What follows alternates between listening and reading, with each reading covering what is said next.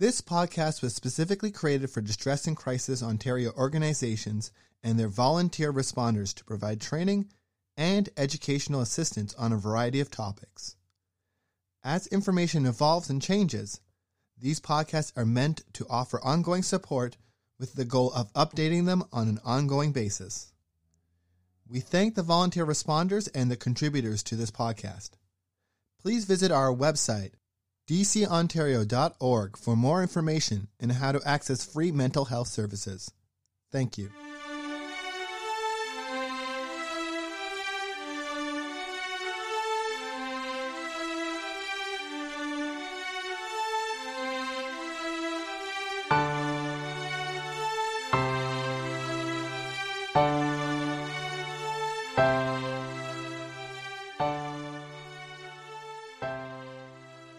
Hello, my name is Caitlin Plant, and I'm the program manager at Distress and Crisis Ontario.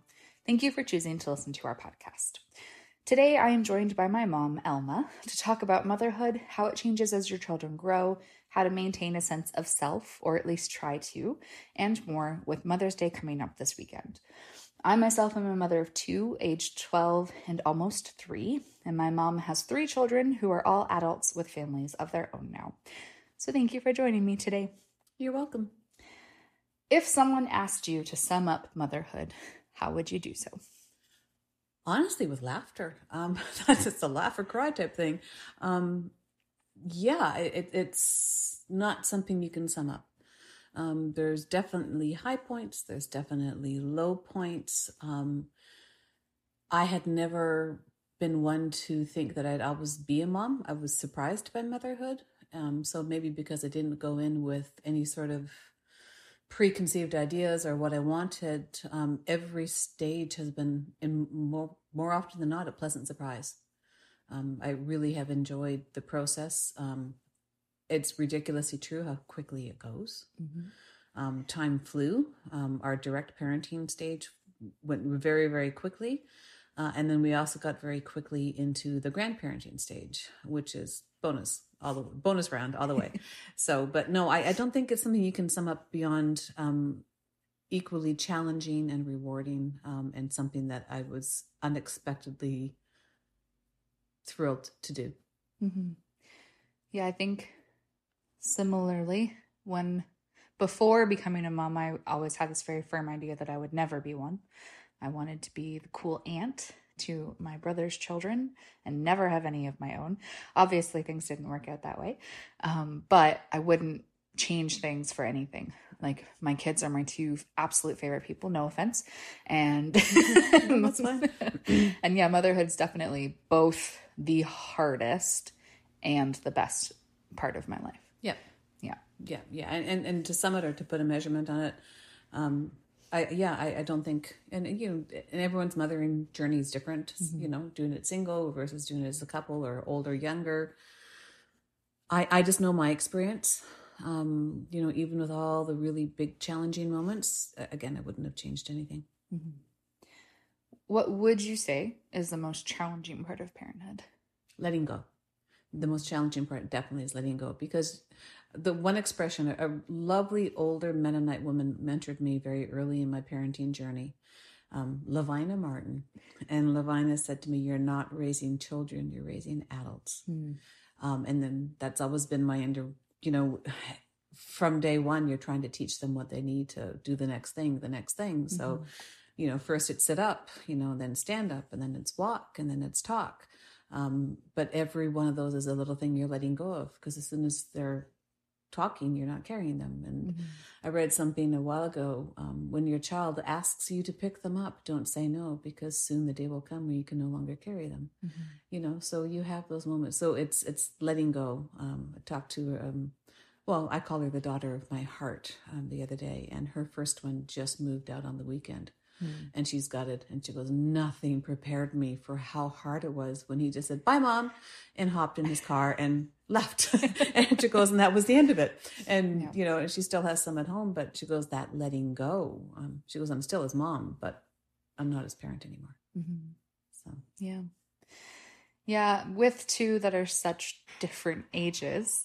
if I think about the toddler, um, he's at the point where language is where a lot of those letting go things are because he's Yeah. learning how to speak properly. And as much as you have to cheer him on and be like, yes, good job, in my heart, I'm like, no, Yeah. like I want you to keep saying things in a cute Yeah. way. And the older one obviously is looking for a lot more independence as she's getting older and yeah, learning when I still need to keep those boundaries in place that mostly are for safety and when I can Mhm. kind of let go a little bit more and let her learn how to decide to be safe for herself.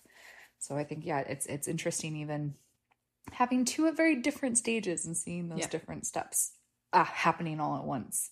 Yeah. What about what's been the most rewarding? watching them adult. Um, you know, again, there, there's been challenges. Um, being the parent of an adult child is harder than being the parent of a child at home. Um, a child that's still under your care and of a certain age, you're still responsible for guidelines. Um, you're going to have boundaries and principles, and when they defy those boundaries or principles, there's consequences. It's very clear what your role is, and you did this. Here's your consequence. You know, have fun with that. Um, when they're adults and they're making their own decisions, you can express an opinion, you can give a guideline, and then that's it. Um, yes, um, if things go sideways, yeah, um, you're still there as much as you can be to support. Um, you know, and there's also things outside of their own control. You know, crap happens, uh, and then when they start reproducing, the stakes get a lot higher, right? Because um, oh my goodness, you know, because then everything's in context of okay, it's going to affect them, and you know, good, bad, and ugly, everything in between. Um, so yeah, it, it's it's it's different. It's very very different. So Mhm. Yeah, I think I think I have a hard time thinking about what's reward like most rewarding, both because they're at such different ages that again, I have a completely different answer for both of them. But I think for myself, what's been most rewarding is just learning that I am a good mom Mhm. and that like I have awesome kids. you do, And no that- argument. they have amazing grandparents. Yeah, yeah, the way, but that's true. Like I we Yeah. we are very lucky to have awesome people around us that have definitely helped with that in a lot of different ways. Mhm. But I think yeah, just being able to look at both of them and say like you as a person like just are awesome Mhm. and and and yeah, recognizing that in them I think has been Yep. one of the coolest things. Yep. So you you kind of touched on this already, talking about the daughter of your heart. Um, but you've been a mother figure to others who maybe don't have mothers of their own or lack good mother relationships in their life. And has this impacted how you parent or parented me and my siblings? Yeah, it did. It really did. Um, always trying to be very cognizant of the fact um, that I had three children of my own, and you know I had to find that balance where I could support other kids, but not at the cost of my own. And sometimes I, I failed in that because sometimes their needs were honestly more urgent. Um, all of them were amazing individuals um, from very different backgrounds and different reasons, and honestly, they all gave as much as gave me as much as I gave them. You know, every one of those relationships, I've learned something, and you know, some of them are lifelong relationships. You know, other ones were seasonal relationships. Um, but every single one of them, um, you know, I learned parenting principles, um, the good, the bad, and the ugly, all of those. Um, but more importantly, I learned that I can love. I, I, I was never sure if I could love another person's child um, you know, biology versus, and it, hon- honestly, that's not a problem. You know, Mm. you you get to know these these individuals, and and you see how hard they're trying. And there's so many kids out there; they just need an adult to come alongside and be a cheerleader and being somebody's cheerleader, uh, whatever capacity that might be in for how, for how long. Uh, you know, we had difficult conversations with them too. Um, there was, you know, highs and lows, and you know, and some of them were willing to accept real strong direction, um, and some of them not so much. Um, but that's okay, you know. In the meantime, and, and now, you know, some of them is 10, 15, 20 years, they're coming back and saying, thank you, you know, or that was memorable, or, you know, things like that. So ultimately, really rewarding. Um, but um, again, it was nothing I ever anticipated doing. But there are a lot of youth and kids out there that need someone to come alongside and fill those roles for them. And uh, it's a privilege when you get to do it. So, And I think even not being the biological parent gives you that little bit more freedom to just treat them like a person Yeah. and not necessarily a kid Yeah. right and that's something that even as i watched you do that that's always been kind of a guiding factor because I, I have also spent time working with kids and other people's kids and, and looking after children and all that kind of stuff and obviously now like my kids have friends and all that kind of thing and i've always been the person to just talk to them and to Yeah. just let them be who they are and it's amazing how you can see the impact of that even in just having a conversation with them Yeah.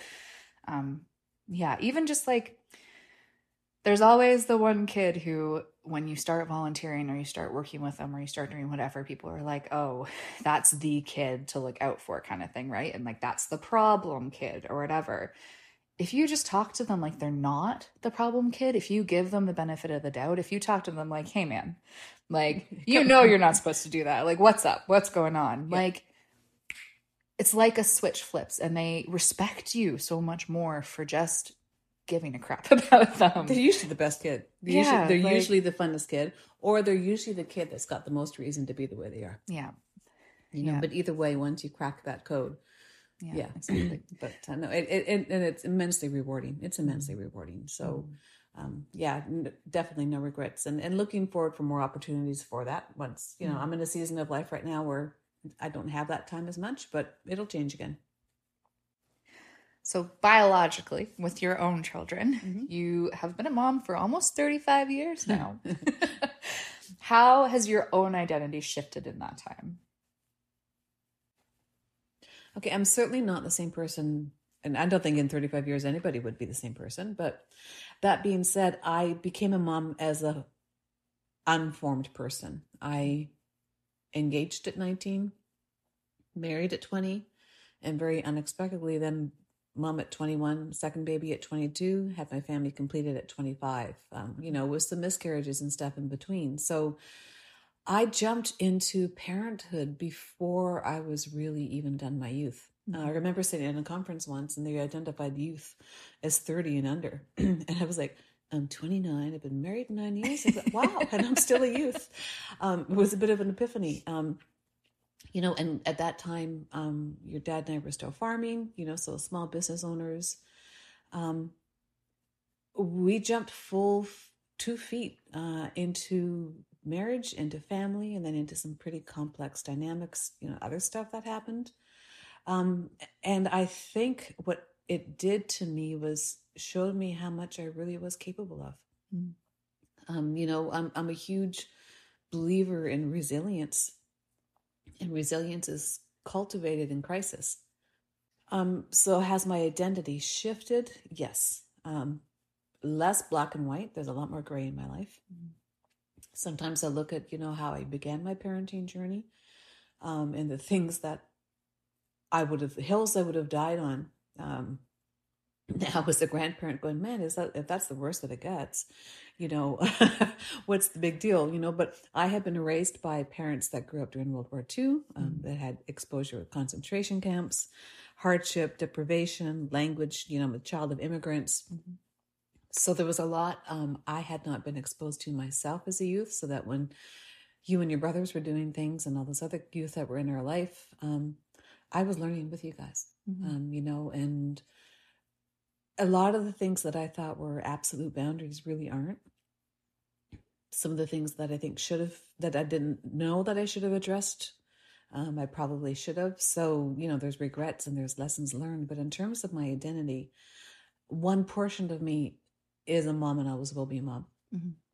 Right now, I get to have that lovely portion of me that's a grandparent. Um, but I'm also my own person. Um, and I, I've always been able to hold to that pretty strongly. Um, you know, responsibilities and things cycle. Um, I am okay though that part of my my identity is Caitlin's mom Mm. or so and so's mom. I'm proud of that. I'm proud of my kids, um, and if that's how I'm identified as Caitlin's mom, I am fine being Caitlin's mom. so um, it really doesn't lessen me. In some ways, I think it elevates. So Mm. it's I'm okay with that. Yeah. I have you beat in that I became a mom at 18, even younger than you. And I know you were there for this, but I had a drastic shift where I went from having obviously my oldest all the time to 50 50 custody. And I can still remember that first week of not having her. I had no idea how to even get up in the morning because my entire identity pretty much was being a mom because I went from high school to parenting, like Yep. right out the bat. Yep. and I didn't have any of that in between time at all to figure out who I was as my own self pretty much ever. And I really, really struggled for a good while to kind of find that sense of self back in those times where I didn't have her. Um, and it it was hard. Like it was really Mm-hmm. hard. There were times when I didn't know how to function at all, Yeah. especially at the beginning. Um, and I mean, I think in some ways, still there, there are days where I'm like, okay, I don't have any kids today. What am I going to do with myself? But I don't see it as like a bad thing anymore. Like Mhm. it's not like I have to have these two totally separate identities. Like you said, like I am both, and I am all, always, all the time, Yeah. and there doesn't have to be this separation or this balance or anything. It's just holding everything at once. Yeah, and I think this artificial pressure that we have to have balance that that doesn't do us any favors. Um, it's not possible. It's not possible. Um, you know, there's always going to be one area in your life that's going to be off balance because crisis has come up, things change. Um, every one of your children, you know, as you already know, is different. Um, different ages have different needs. Um, you and yourself, you have different needs. Um, within our cycles, we have different needs. So overall, you know, we we seek to achieve some sort of balance, but that doesn't need to mean equilibrium. And I think people think every portion has to be perfectly balanced. If you can get some sort of equilibrium in your life where you feel like you've got your a degree of management in most places, then I think we're doing well. You know, but you know, again, we we look into these uh, Instagram lives of other people, um, and we set really ridiculous standards for ourselves. You know, do our children know that they are loved? Yes. You know, are our children provided for as best as we can by their needs? Are we privileged that we can do that? Yes. Wants, that's a whole different area. Yeah. You know, so, and sometimes as parents, we really struggle because can't fill all the wants. But if we can do those two core, the, you know, the core thing is well, attachment theory, right? Your your children wants to know that that child is loved unconditionally, irregardless of everything that's happening. Um, and if you can do that for your child, um, you've laid the most important foundation.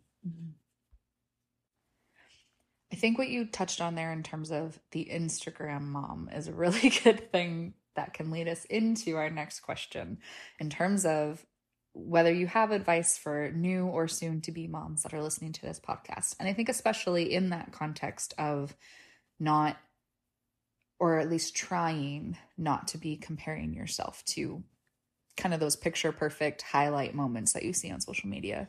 Yeah, I, I really, you, you could stop watching those things on like, you know, the birth stories and all that kind of stuff. Um, everyone goes in with a different skill set. Um, you bring your own childhood with you, the, the, the strengths and the weaknesses, um, you know, and those experiences, your lack of knowledge. Um, I, I think my advice is I really don't have any. Foundational, love your child. Um, don't spoil, don't indulge. You know, uh, uh, but that kid has to hear from you, has to hear from you, I love you. And not I love you when or I love you if. I love you. Um, if they can be rooted and grounded and strengthened by the fact that my mom loves me. Um, and you know, hopefully there's another parent that's saying that same thing to them. But you know, you, you can only be responsible for how you express your love to your child. Um, that child, um, in in my line of work, I have children coming into my office that have not experienced that. Um, they they hear, you know, you could do better, you could do faster. That you know, parents that think they're encouraging by, you know, constantly challenging their child, they come in with a really deep sense of insecurity. You know, and all you really want to do is just hold on to that child and say, "You're awesome. Yeah. You, you're amazing."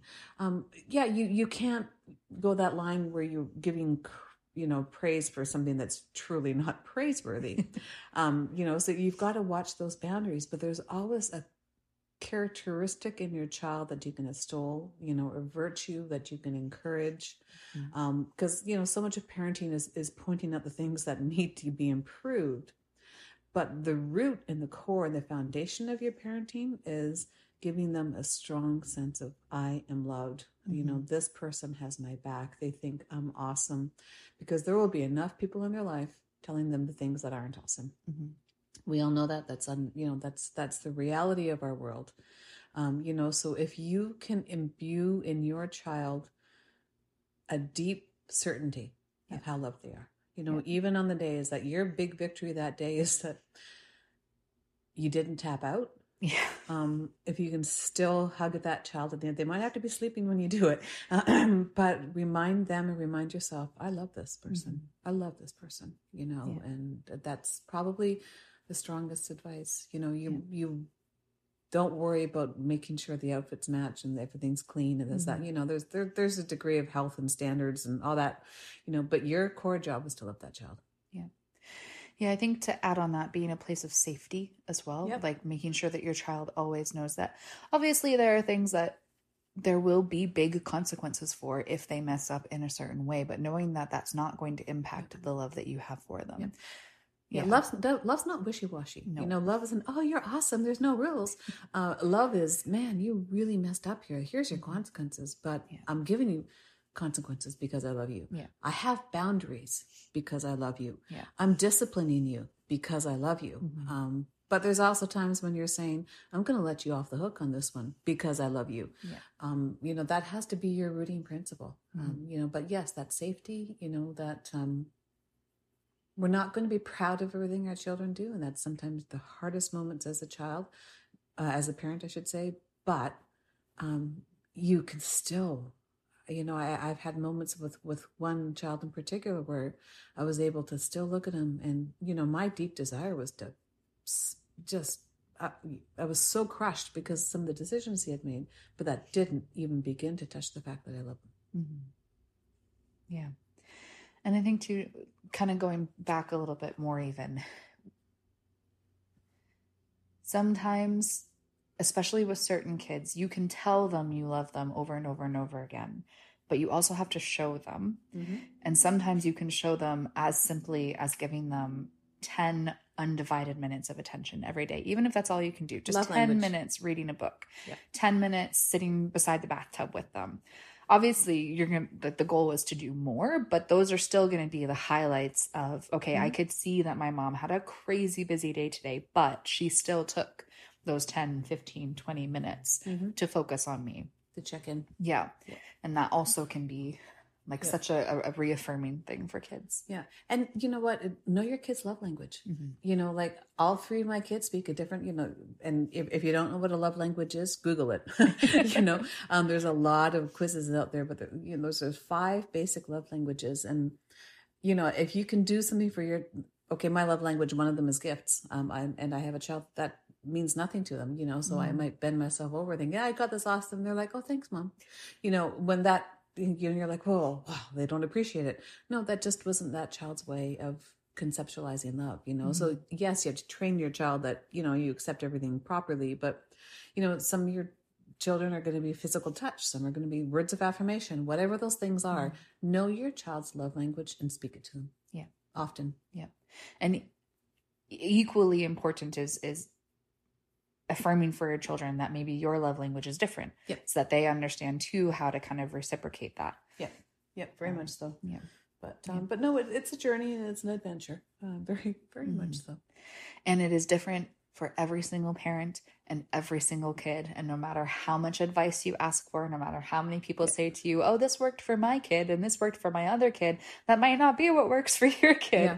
And yes, you will always find someone with some kind of common ground because this isn't anybody's first time parent. Like people have been parenting and mothering for all of humanity, but also, yeah, there's uh, there's going to be things that work for 95% of the people that Yeah. you know and you're in the 5% that it doesn't and you kind of have to figure your way out of it. Yeah. So just always, yeah, find that self-compassion, find ways to be gracious and and don't give up and yeah, really really really try not to compare yourself to how everybody else seems to be doing it better because I promise you everyone is having their own struggles too.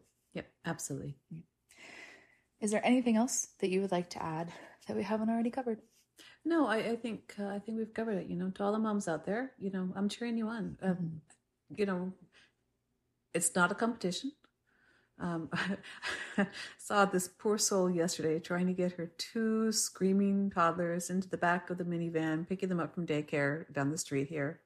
And I just stopped and I looked at her and I said, You're doing a good job. And she goes, thank you. And you could see that she didn't believe me. But, you know, you, you could tell she had had a crappy day yeah. and the kids were just done. And all she wanted yeah. them was in that car seat. And it was not my job to look at her and go, oh, come on, lady. Mm-hmm. Like she just needed someone to say, you're doing a good job. And yeah. that's what she needs. So if you see some poor soul out there with three screaming kids in the cart, in the grocery store, don't judge her. You know, like buy her a candy bar and just tell her you're doing a good job. Yeah. Yeah, and it does it kind of seems like your kids know when the wrong day is to act up and that's the day that they're gonna do it just to make things more challenging. Yeah. But uh yeah. Okay. Thank you for having this conversation with me. Happy Mother's Day. Happy Mother's Day. Thank you for listening to today's episode. If you need support for anything that you're struggling with, ONTX and our member centers are here. You can find your nearest center, many of whom do operate 24 7, by visiting our website at www.dcontario.org forward slash locations. And ONTX's online chat feature can be accessed from any page of our website using the Looking for Support sidebar. ONTX is available from 2 p.m. to 2 a.m. Eastern Standard Time daily and can also be accessed by texting the word support to 258 258. If you have any feedback on this podcast or would like to request future content, please do use the link in our show notes to fill out our feedback form. We would love to hear from you. Thank you for listening. To all the mothers, I hope you have a wonderful Mother's Day. And to those who struggle with Mother's Day, I hope that you can be gentle with yourself and find another way to celebrate yourself or a mother figure in your life. And I hope you join us again next week.